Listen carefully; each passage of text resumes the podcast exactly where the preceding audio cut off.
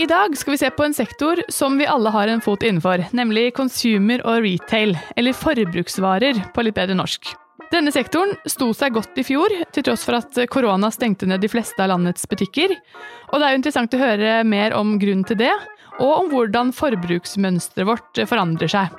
Og ikke minst skal vi høre mer om hvordan aktive eierfond har vært og er med på å utvikle butikkene vi handler fra. Det skal Lene Stern i Adelis Equity og Bjarne Lie i Verdane fortelle oss mer om. Velkommen til Unotert.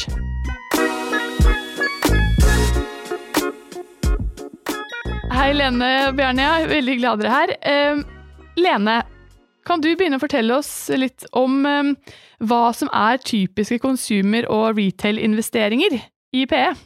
Ja, det kan jeg gjøre. Historisk så har det blitt investert ganske mye i retail, eller det som på norsk kalles detaljhandel. Um, og det ble jo sett på som en attraktiv investeringsmodell med mulighet til å drive egen vekst gjennom å åpne flere og flere butikker. Uh, men de seneste årene har P blitt veldig forsiktige med detaljhandel pga. den sterke veksten innenfor e-handel som vi kommer litt tilbake til. Og kjente norske PE-case innenfor retail er f.eks. XXL, Plantasjen, Nille, Europris, som alle har vært eid av PE-selskaper. Over tid så ble også restaurant- og kafékonsept ganske populært, eh, som man jo også kan se som konsument-retail. F.eks. Olivia, Espresso House, Joe and the Juice, Holy Greens er alle eksempel på sånne som har vært eid av eh, private equity. Og også ganske mange varemerker. Eh, veldig mange av de faktisk innenfor sport. Så Helly Hansen, Rossignol, Odlo eh, og Didriksson som, som vi eier. Men det vi ser nå, liksom det siste etter to årene særlig, og kanskje lenge for dere i Bjarne, så har det vi kaller D2C, altså direkte til konsument, eh, vokst veldig kraftig. Og Der finnes det f.eks. transaksjoner innenfor private equity som Revolution Race, Stronger, Kaya Cosmetics eller Ideal of Sweden som noen eksempel. Så vi kan høre mer om eh, D2C etterpå. Bjarne, er det, mm, er det det samme for dere som det Lene, de eksemplene Lene trekker frem? Ja, vi har aldri eh, sett meg bekjent, gjort en investering i en ren offline-aktør, altså en som ikke bruker internett som primærdistribusjonskanal. Noen av selskapene våre etter hvert har også en fysisk tilstedeværelse, men men alle våre investeringer har egentlig begynt på nett. og Det, det har litt med hvem vi er. Vi, vi jakter på en måte rask, strukturell, organisk vekst. og de, Et av de stedene vi, vi egentlig har tre hovedtemaer vi fokuserer på, som er, eh, som er digital konsument, software spiser verden og bærekraftig samfunn. Og, innenfor digital konsument så har jo egentlig tesene våre fra vi hadde vår første e-handelslunsj i Stockholm i 2006, vært at kunder kommer til å handle mer og mer på nett og mindre og mindre butikk. Eh, så vi har eh, ja, I dag har vel i overkant av 20 selskaper den porteføljen, har vel vært inn i over 50. Men, men, også der har det vært på en måte en, en reise hvor den første, første generasjonen var egentlig å replikere offline-opplevelser online. Mer sånn Boost, som kanskje noen har handlet fra, eller Royal Design, eller Babyshop eller nå i senere tilfelle Hyma. Mens, eh, mens, eh, og farmasiet, for så vidt. Noen ting er .no, noen steder gjør vi enda den type ting, men, men mer og mer gjør vi, gjør vi det merkevarer som er bygget opp rundt en digital tilstedeværelse. Og hvor man da designer, selger, bygger kundenærhet på egne merkevarer. Hvor Kaja, som, som Lene akkurat nevnte, er, er et uh, godt eksempel. De sender jo uh, på, på jeg kaller det affordable wall art et annet, men vi har en hel rekke eh, av den type selskaper som prøver å bygge Egentlig ta bort alle de unødvendige og fordyrende mellomleddene som en klassisk butikkopplevelse innebærer. Ja, Vi kan se litt mer på det eh, etterpå, men jeg vil bare spørre deg, Bjørne, eh, videre med det som jeg sa innledningsvis, om hvordan denne sektoren har holdt seg stabil gjennom koronapandemien. For i hvert fall ut fra investeringsbeløp så så vi at det er den fjerde største sektoren i Norge. Um, og at den har klart seg godt gjennom 2020, til tross for at veldig mange butikker har vært stengt i lang tid. Kan du si noe om hvorfor det har vært tilfellet?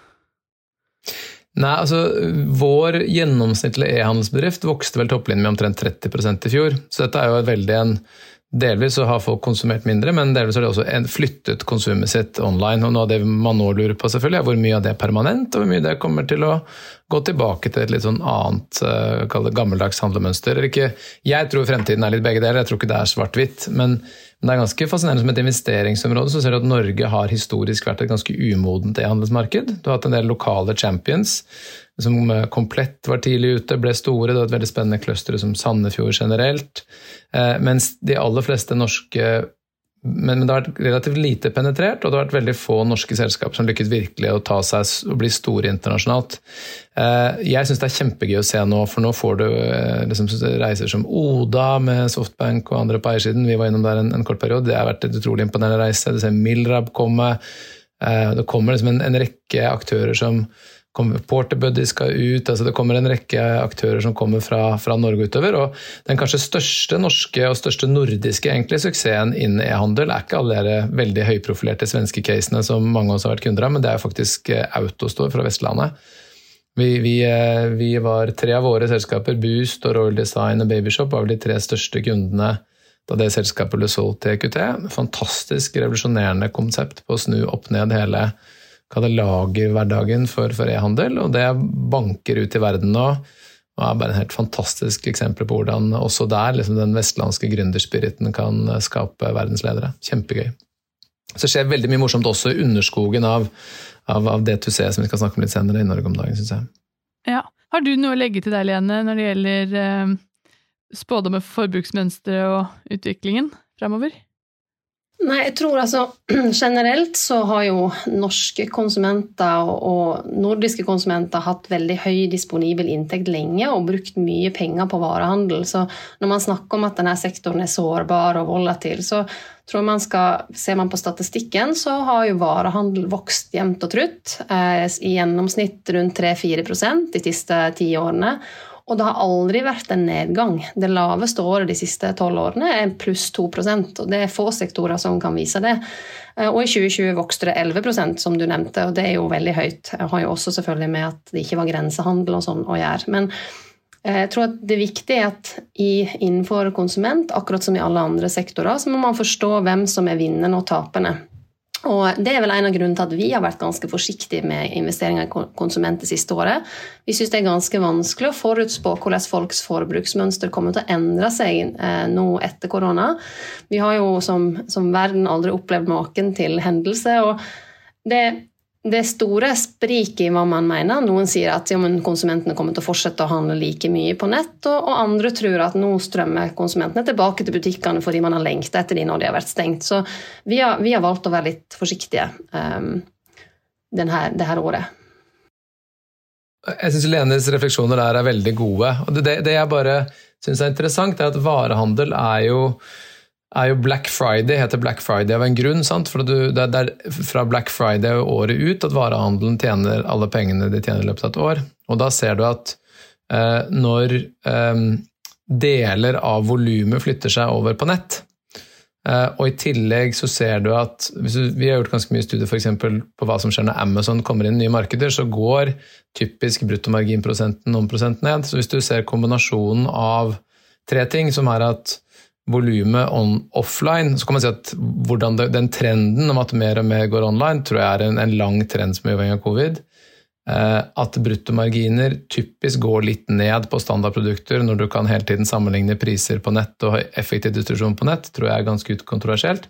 Og når du som nummer tre legger til at Norge har eh, en av de høyeste antall kvadratmeter butikk per individ globalt, så er det klart at det, er, det, kommer til å bli sårbarhet i deler av, av den sektoren. På den annen side, som, som, Lene helt riktig sier, så er jo norsk publikum veldig kjøpesterkt, og, og, veldig måte, stabilt kjøpesterkt, fordi ganske høy andel er ansatt i offentlig sektor og kan det beskyttede eh, områder av økonomien. Så, så, sånn sett så spiller det veldig andre veien. Så som Lene sier, vinnere og tapere blir som alltid viktig, men kanskje enda viktigere her enn mange andre steder. Mm. Nå var du litt inne på noen sånne sårbarhetsfaktorer, Bjarne. Eh, og I 2020 var det pandemi, og så snakka man om handelskrig i 2019. Er denne sektoren spesielt sårbar fordi folks forbruksmønster lett kan påvirkes? Eh, Lene? Nei, men jeg tror det var litt det som vi var inne på, at um, det har alltid vært en vekst, og det finnes penger. Det gjelder liksom å være på rett tid, til, rett plass til enhver tid. Um, og jeg tror at Altså det som har vært en, en ut, utfordring innenfor detaljhandel de siste årene, det er jo strukturen av den bransjen. Ser man på en detaljhandelsbutikk, så har den ganske høy fast kostnadsmasse i form av en leie og personal. Og når da konsumentene forsvinner og begynner å handle på andre steder, så, så, så, blir lønnsomheten veldig fort veldig lav. Så den går fra å være god til å bli veldig lav på, på relativt kort tid. Og der er jo eh, liksom e-handelsaktører mindre sårbare og lettere for å eh, endre på kostnadsstrukturen sin raskere. Så jeg tror at um, det, er vel, det, er vel det, det er vel det, den trenden vi ser, akkurat som Bjarne peker på. Og så ser, og så ser du, du uh, flippsiden av det er, er um er jo at vi er jo en vekstinvestor, så vi tenker ikke nødvendigvis så mye ned som vi tenker mulighetsrom. Og det er klart at eh, en digital merkevare som treffer, treffer jo så voldsomt. Altså En Desenio som på fem år organisk går fra 100 millioner omsetning til godt over milliarden, mens de har aldri dypper under en 20% cash eh, som ligger igjen på bunnlinjen eh, på den reisen. Det er klart Da kan du generere enorme verdier uten å måtte ha noe CapEx. Eh, eller kapitalbruk underveis. Så det er noe med at, men, det blir jo enda, men samtidig så er da nedsiden også enda større, fordi du har ikke det litt sånn kvasilokale monopolet. Eh, bor du i en, en, liten by, og det er som tre klesbutikker på det lokale kjøpesenteret, så kommer du antagelig til å kjøpe litt på de tre. Mens, mens, i det øyeblikk du på en måte bommer på, på merkevarebyggene, du svikter konsumentløftet ditt, da, online f.eks., og det som ruller viralt ut, så kan du jo gå liksom, samme måte som det gikk fra 0 til 100, gå ned til 0 igjen, på en annen måte enn en fysisk varehandel. Mm. Nå har vi snakket litt om de siste årene og det som har preget varehandel da, men kan dere si noe om utviklingen av eh, denne sektoren eh, i et enda litt større perspektiv de siste ti årene, Bjørne? For oss igjen så er jo denne sektoren denne sektoren på nett, så jeg, jeg kan ikke så mye om uh, offline. Men, men, det jeg kan si, er at våre bedrifter som jobber med varehandel eh, i vår verden, og på den måten vi jobber med det på, har jo vokst i gjennomsnitt eh, nå er det en stund siden på tallene, jeg tror de har vokst i gjennomsnitt omtrent 25% i året. Og gjør du det år ut, år inn, f.eks. en Boost da, som omsetter vel da for 100 millioner, da vi 110 millioner tror jeg da vi investerte dem, nå omsetter de vel for 4 milliarder eller noe sånt da, ti år senere.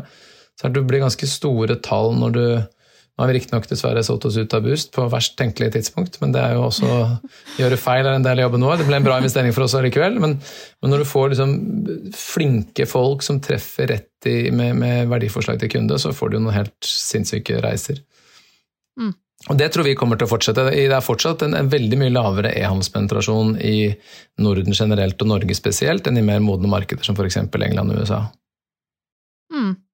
Vi kan se litt mer på Norge versus andre markeder etterpå, men Lene, har du noe å legge til der på utviklingen? Det som ikke bare er eh, i nettbasert eh, handel? Jeg tror generelt så drives jo konsument av utvikling i generell økonomi, disponibel inntekt, eh, levestandard. Og det er jo derfor det har vært en veldig fin utvikling i Norden i veldig lang tid. Vi har jo ikke hatt en skikkelig nedkonjunktur.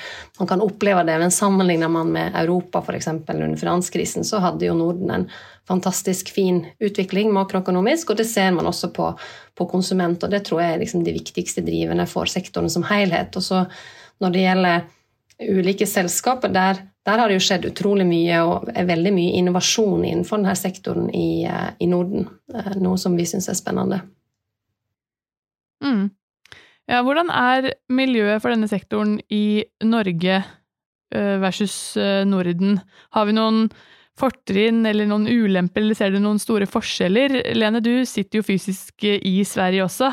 Ser du noe, noen tydelige forskjeller? Ja, jeg tror jeg nevnte før at Norge har en lang historikk med varehandel og har vært eh, liksom, gode, eh, gode, på det. Mange av kjedene har vært lokale. Det fins veldig mange lokale sterke vinnere i Norge. Um, mens det er kanskje færre som har lykkes utenlands. Det fins noen eksempel men de er færre. Eh, Sverige har jo en lang historie av eh, tekstil, og du har jo navn som f.eks. Hennes og Maurits og Ikea har jo lykkes over hele verden, så der fins den, kanskje den tradisjonen sterkere. Det jeg at, Men den nye eh, liksom D2C, og som, som, Bjarne var inne på, når man bygger varemerker på, på nett, der finnes det jo veldig gode muligheter i både Norge og Norden for å gjøre det. Men som Trond Riiber Knutsen snakket om i en tidligere episode av Unotert, så er Norge et, mindre marked og også et marked utenfor EU. Og det har nok satt visse begrensninger for de selskapene historisk, og jeg tror at det er en av årsakene til at vi ser flere av den type case uh, i, i, Sverige enn vi ser i Norge. Men, men, det skjer veldig mye spennende i Norge, og det er mange selskaper som kommer nå og som vokser opp. En del av de var jo Bjarne inne på tidligere. Men Du nevnte D2C innledningsvis. Kan, kan, jeg bare få si en ting? for Jeg, bare, jeg synes det Lene sier om, om, det at Norge er utenfor EU et litt rart marked, mm. det er på en måte, det er, det er, jo to ting. da, for På ene siden kan du si at det skaper utfordringer med å skalere ut, mm. men det skaper også mulighetsrom for å lykkes ja. lokalt. Ikke sant? Fordi jeg ser på det både med noen av våre svenske bedrifter som skal inn i Norge, men også noen av de norske bedriftene våre som skal mm. ut. at, at det er jo en, på en måte en kjempeflott at du kan vokse opp i en litt sånn beskyttet dam. fordi at sant, de, de, internasjonale aktørene typisk eh, bruker ikke VIPS, eh, De internasjonale aktørene som Bestiller du på farmasiet.no, så, så, kan du bestille samme dag.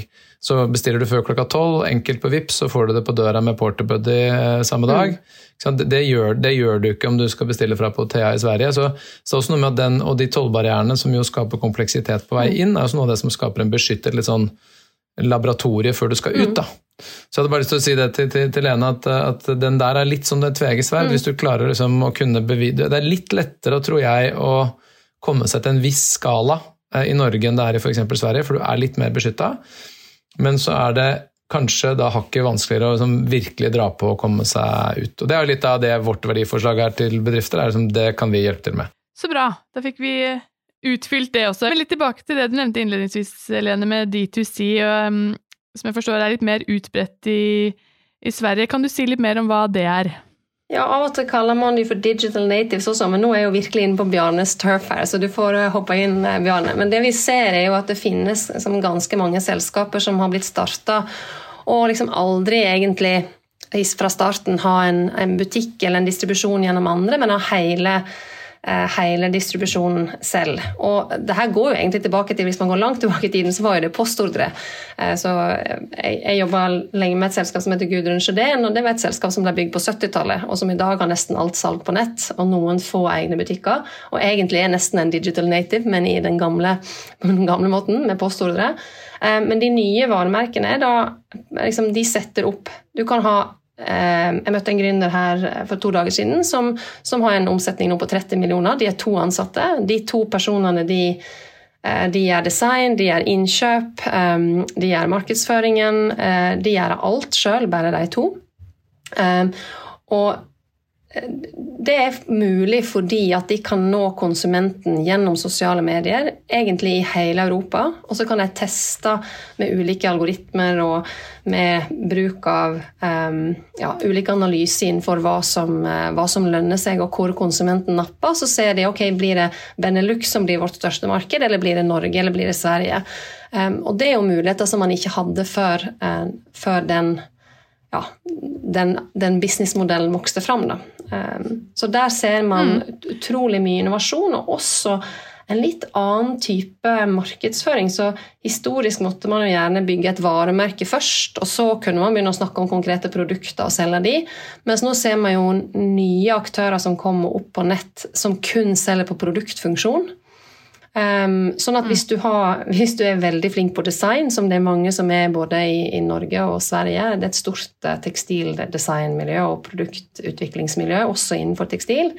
Så kan du selge produkt på, på funksjon til konsumenter i hele verden uten å egentlig ha et sterkt varemerke. Og det, det er jo nytt og, og veldig annerledes enn sånn det var for, for lenge siden. Hva har det å si for små selskaper og liksom, kommersialiseringen og markedsføringen. For jeg tror at de må ha ganske store markedsbudsjetter for å nå igjennom med DTC, mm. når ikke man kan støtte seg på store, kjente merkevarer. Er man da avhengig av liksom, stordriftsfordeler, eller blir det vanskelig for de små nettbutikkene og nisjebutikkene å, å trenge igjennom? Ja, jeg tror egentlig at det er enklere ja. i dag. fordi Før så måtte du på en måte overbevise Hvis du var et sportmerke, da, så måtte du overbevise enten Gressvig eller liksom eller XXL eller Sport1 og ta deg inn og satse på det markedet for å slå i Norge. Mens nå kan du da i, teorien så kan du egentlig segmentere basert på sosiale medier. F.eks. Lene følger veldig mange løpere og personer innenfor triatlon. Det er jo sannsynligvis en, en bra kandidat for vårt uh, tights-varemerke liksom inn mot kvinner mellom 25 og 50. Um, og så finner de den konsumenten egentlig utrolig kostnadseffektivt i forhold til hvordan det var historisk. Spennende. Uh, Bjarne, dere ser vel på litt mindre selskaper enn en det Lene og Deles gjør. Ser dere det samme? Ja, Det er nok både òg. Eh, vi, vi, overlapper nok litt i Hva er deres siste fond, Lene? Det er på seks milliarder norske, cirka. Ja, og vårt siste er vel på fem og en halv eller noe sånt, så det ikke, det, vi overlapper nok også litt i, i, mm. i, det. Men vi går nok mye lenger ned også, for vi på en måte har to fondsfamilier, hvor den ene går lenger ned og den andre går lenger opp. Men, men nei, så, så, Og det bildet Lene tegner og måten å beskrive et digitalt brand på, syns jeg er helt uh, riktig. Og, og, vi jobber jo mye med influensere som kanal, som, som, som Lene også sier, som er viktig. Um, og der, fordi det, det som er utfordrende med en del av disse, de som på en måte algoritmebasert kjøper markedsføring, da blir du jo plutselig sårbar den dagen Google gjør noe med prisen, f.eks. Eller Instagram gjør noe med algoritmene sine. Vi har et, et stort selskap for eksempel, eller for oss et stort selskap som, som selger mye via Amazon. Eh, og De fikk plutselig en hyggelig e-post som sa at nei, fra nå er det ikke lenger 10 eh, kommisjon for å selge på Amazon, det er 20 av den type produkter dere har. Vi ser dere selger mye av det. Og det er klart Den type 10% av topplinje det for de fleste mm. selskaper gjør noe ganske dramatisk med lønnsomhet. Så, så, du er sårbar på en annen måte. Det, for å supplere det Lene sier, så tror jeg det som er derfor utrolig viktig, og egentlig det eneste du har på nett, er jo merkevaren din. Så du får et, en nesten sånn ærligere, syns jeg ofte, merkevarebygging enn du får offline. Fordi funksjon, som, som Lene sier, og verdisett og liksom hele verdikjeden og arbeid Alt må liksom henge sammen og bli mye mer, eh, mer gjennomsiktig. Mm. Spennende. Um, hvis vi ser litt på tilgangen på kapital i denne sektoren, da. Hvem er typiske uh, konsument-retail-investorer? Lene? Altså, historisk sett så vil jeg si at de fleste eh, private equity-aktører har investert innenfor konsument, eh, så ganske bredt. Um, så liksom både de store som Nordic Capital, EQT, Altor, um, men de mer lokale som FSN, Nordvestor Norvestor um, og selvfølgelig da Verdane. Um, alle har investert i konsument. Det vi ser nå generelt innenfor private equity, er jo en større grad av sektorspesialisering. Der noen da har valgt å velge bort konsument, og andre satser veldig aktivt på det. Som jo Bjarne som løfta fram at det var en av hovedsektorene, og, det er det også eh, for oss. En av våre fire sektorer som vi har, har valgt å fokusere på. Og så finnes det jo aktører som kun gjør konsument, eh, særlig internasjonalt. Så jeg vil si at det er fremdeles god tilgang på kapital innenfor sektoren. Mm. Og, og, kanskje spesielt på den digitale siden opplever vi at det, det har skjedd noe der, som, som Lene sa i stad, at folk er veldig usikre på, på, på offline. Ja. Vi, vi, er jo den mest aktive investoren i digital konsument i, i Nord-Europa. Så vi gjør mye, men ikke nødvendigvis i største antall dollar eller kroner eller euro. Men, men eh, vi ser også at det er en ganske stor interesse for det området generelt om dagen. Mm. Men det går litt sånn ut og inn av mote. Eh, for, for, ja. for Eh, SAS var jo software var liksom hypermoderne for et år siden, og er det for så vidt enda. Det er ikke lenger tilbake enn et år eller to at det var ganske stor skepsis rundt eh, Se på, se på reprisingen av en aksje som Boost på børsen, som vi børsnoterte for noen år siden. Den har vel gått fra 50 til 200 kroner siste året. Så, så investorentusiasmen, både børsnotert og privat, for, for, konsument, på nett i hvert fall, er jo veldig mye, og kanskje på en historisk høy. Mm. Vi må gå litt videre. Um, tiden her flyr fort. Men um, jeg er litt nysgjerrig, for det, det, finnes jo tusenvis av nettbutikker av ulik eh, sort, eksempel hvis man tar eh, skjønnhetsprodukter, da. Så hva skal til for at dere velger å investere i én av dem? Altså hvis man snakker litt til gründerne her. Eh, Lene, kan du begynne? Ja, men For meg så handler jeg tror Bjarne var inne på det tidligere, men det handler om å forstå hva selskapets liksom, value proposition, for å bruke et uh, dårlig norsk ord, mot sine kunder, hva det er. Så et eksempel, Vi er en lavpriskjede i Finland som heter Poilo. Eh, og De er så flinke på innkjøp og sourcing at de selger alt 10-20% billigere enn konkurrentene. Og Det er der de stikker ut. Så, det, så det, det, handler jo om å ha en unikitet og noe som du bidrar med til konsumenten, mm. som er unikt eller stikker ut. Bjørn, er du enig? Har du noe å tilføye der? Ja, altså Vi ser et momentum. Vi ser etter et marked som vi tror på, en markedstrend vi tror på. Vi, vi, begynner nok veldig ofte der. Og at du har tatt en posisjon i det markedet i vekst, som, som eh, både som team og som, som en forretningsmodell som vi tror kan skalere. Så ser vi etter en match med våre verdier og hva vi tror vi kan bidra med, som er en overlap mellom vi har jo i overkant av 20 mennesker som jobber bare med digital konsument, og vi tror at vi kan kanskje bidra litt med vår tyske digitale growth hacker eller vår CTO eller vår CRM-ekspert, eller vi har jo et helt, helt sånn data sciences-team, og, og, ofte er selskapene interessert i å få litt hjelp av det. Vi trenger det ikke, noen er så flinke at de har ikke behov for noe som helst, men, men vi, må liksom se på, vi, vi, må tro på at dette selskapet ligger og vokser 20-30% i året i mange år. Det er liksom vår hurdle, typisk. Og Apropos denne veksten, som jo Lene sa har vært uh, jevn og trutt uh, og aldri hatt nedgang. Du snakker om en uh, veldig stor vekst for deres selskaper, Bjarne. For mange så handler dette om et forbruk av varer og tjenester. Men hvordan er denne sektoren en del av den omstillingen til et mer bærekraftig næringsliv og samfunn? Vil du fortsette litt på det, Bjørne? Ja, dette snakker vi masse om om dagen. For vi, jo, vi har jo jeg er veldig opptatt av disse tingene. Vi satt 10 av vår egen virksomhet i en stiftelse som skal jobbe med disse tingene for, for en del år siden, og er liksom veldig fokusert på det, tror jeg. Og det er noen veldig sånn enkle svar. Altså Når det kommer et eh, fast fashion-brand som liksom selger plagg du skal bruke en gang eller to, da er vi ikke interessert. Og så er det noen litt mer kompliserte svar, som er å få ned retur. Eh, det handler om å få, få ned, eh, få ned karbonfotavtrykk i distribusjon. Porterbuddy, f.eks., som vi er en fantastisk de hadde jo nå i april for første gang bare elektrisk eller sykkeldistribusjon på Last Mile. Så jobber mye med det. Og så tror vi på vi har et eget Sustainable Consumption Cluster, hvor vi bl.a. Eh, eier Europas største plattform for altså Europas største bruktbutikk på nett, på godt norsk. mm. Så vi tror jo også at, at det kommer en altså Vi tror det kommer til å drifte mot eh, høyere kvalitetsprodukter produsert på en bærekraftig måte, som varer lenger. Og så tror vi det kommer ganske mye innovasjon i hele sirkulærøkonomiaksen, hvor du ikke nødvendigvis trenger å kjøpe deg en drill og, og, legge den i kjelleren og bruke den to ganger neste fem årene, men all, alle slags mulige delingsmodeller og sirkulærmodeller er jo temaer vi jobber ganske mye på. Så vi har f.eks. en av Europas ledende innenfor å selge brukte mobiltelefoner. Hvorfor skal ikke en kid få lov å kjøpe en iPhone 8 til 150 euro istedenfor å måtte kjøpe en ny en til 400? Vi selger den til deg med garanti. Eh, Hvorfor må du betale 150 euro for en ny eh, Boss jeans når du kan kjøpe den for 30 på, på Mamox? Altså, vi har en, en rekke satsinger for det, og så har vi noen av selskapene våre som er rent posisjonert mot kall det bærekraftsbevissthet i befolkningen. F.eks. Humble, eh, bambustannbrusher, som jo har bygd hele markedsføringskampanjen sin på å si at there, there, is no planet B. Vi kan ikke drive og hive mm. halvannen milliard eh, eh sammensatt plastikk, tannbørster i havet og i fyllinga hvert år. Typ.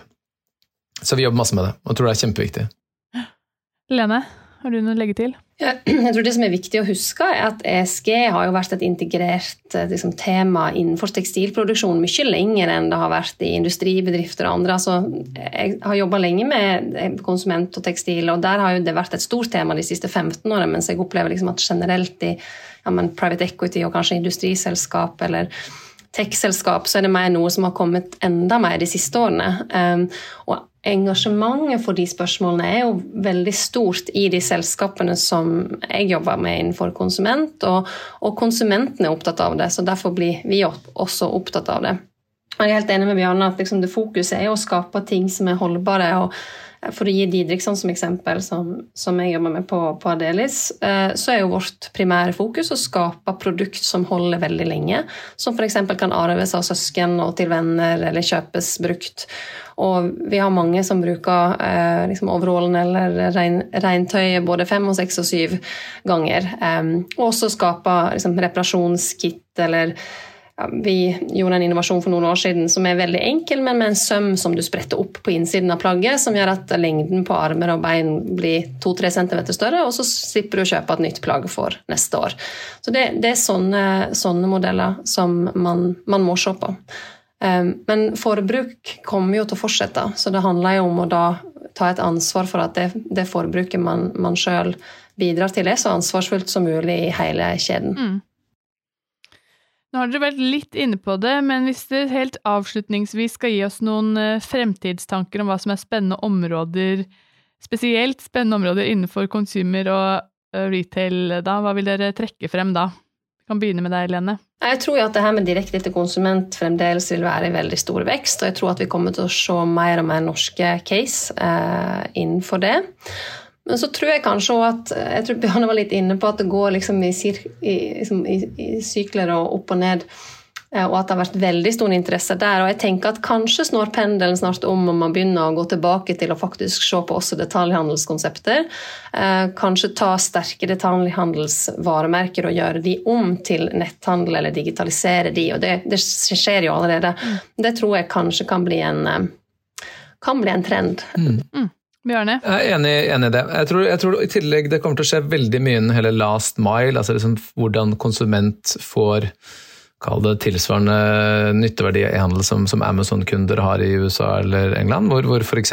Komplett eller Farmasi med Porterbud har fått til det. Jeg tror det kommer til å skje masse der, i tillegg til det Lene nevnte. Så tror jeg at det kommer Jeg tror at Det har sagt mye om Omnichannel i mange år, men jeg tror at, at de digitale native brandsene kommer i større grad til å etablere en fysisk footprint og de fysiske altså at det, at det morfer i større grad. og Der ligger det også en stor mulighet på software-siden, som vi holder på med.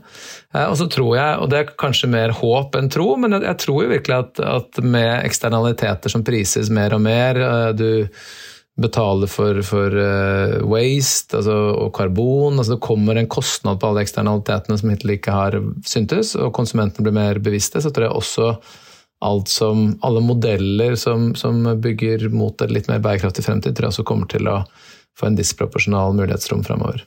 Jeg tror det får bli siste ord for i dag, for um, tiden vår er dessverre allerede ute. Men jeg skal kort oppsummere det dere har sagt. Dere har sagt at investeringer i consumer og retail, det er investeringer i butikkene og varemerkene vi kjenner, altså XXL, Helly Hansen, Plantasjen eh, og Kaja. For Danes del så handler det først og fremst om selskaper med digital tilstedeværelse, mens for Adelis er det også selskaper med fysisk tilstedeværelse. Dere har sagt at varehandelen er en sektor som har vokst eh, jevnt og trutt. Bjarne, du nevnte 25% i gjennomsnitt eh, i året.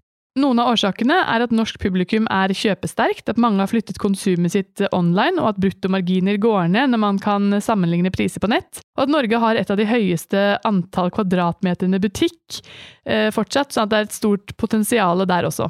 Investorene i denne sektoren har spesialisert seg mer de siste årene, eh, som i andre sektorer, og selv om de opererer i en sektor der vi som forbrukere handler mer og mer, så er de også opptatt av å omstille denne handelen og eh, deres del av næringslivet til det bedre for kloden. Så det handler om å få høyere kvalitet på produkter, mer innovasjon og sirkulære forretningsmodeller, høyere kostnad på eksternaliteter, Alt for å redusere fotavtrykket og øke bærekraftsbevisstheten blant forbrukerne. Spørsmålet er hvordan utviklingen av sektoren fortsetter framover, og det er utfordrende å spå folks forbruksmønster etter korona. Dere tror salg direkte til konsumer blir større, og at det fortsatt er mye å gjøre på digitaliseringen, og at det er mye å gjøre med hvordan konsumenten får nytte av det siste leddet i kjøpsprosessen. Så det er fortsatt et stort eh, potensial, som sagt. Høres det ut som en grei oppsummering? Ja.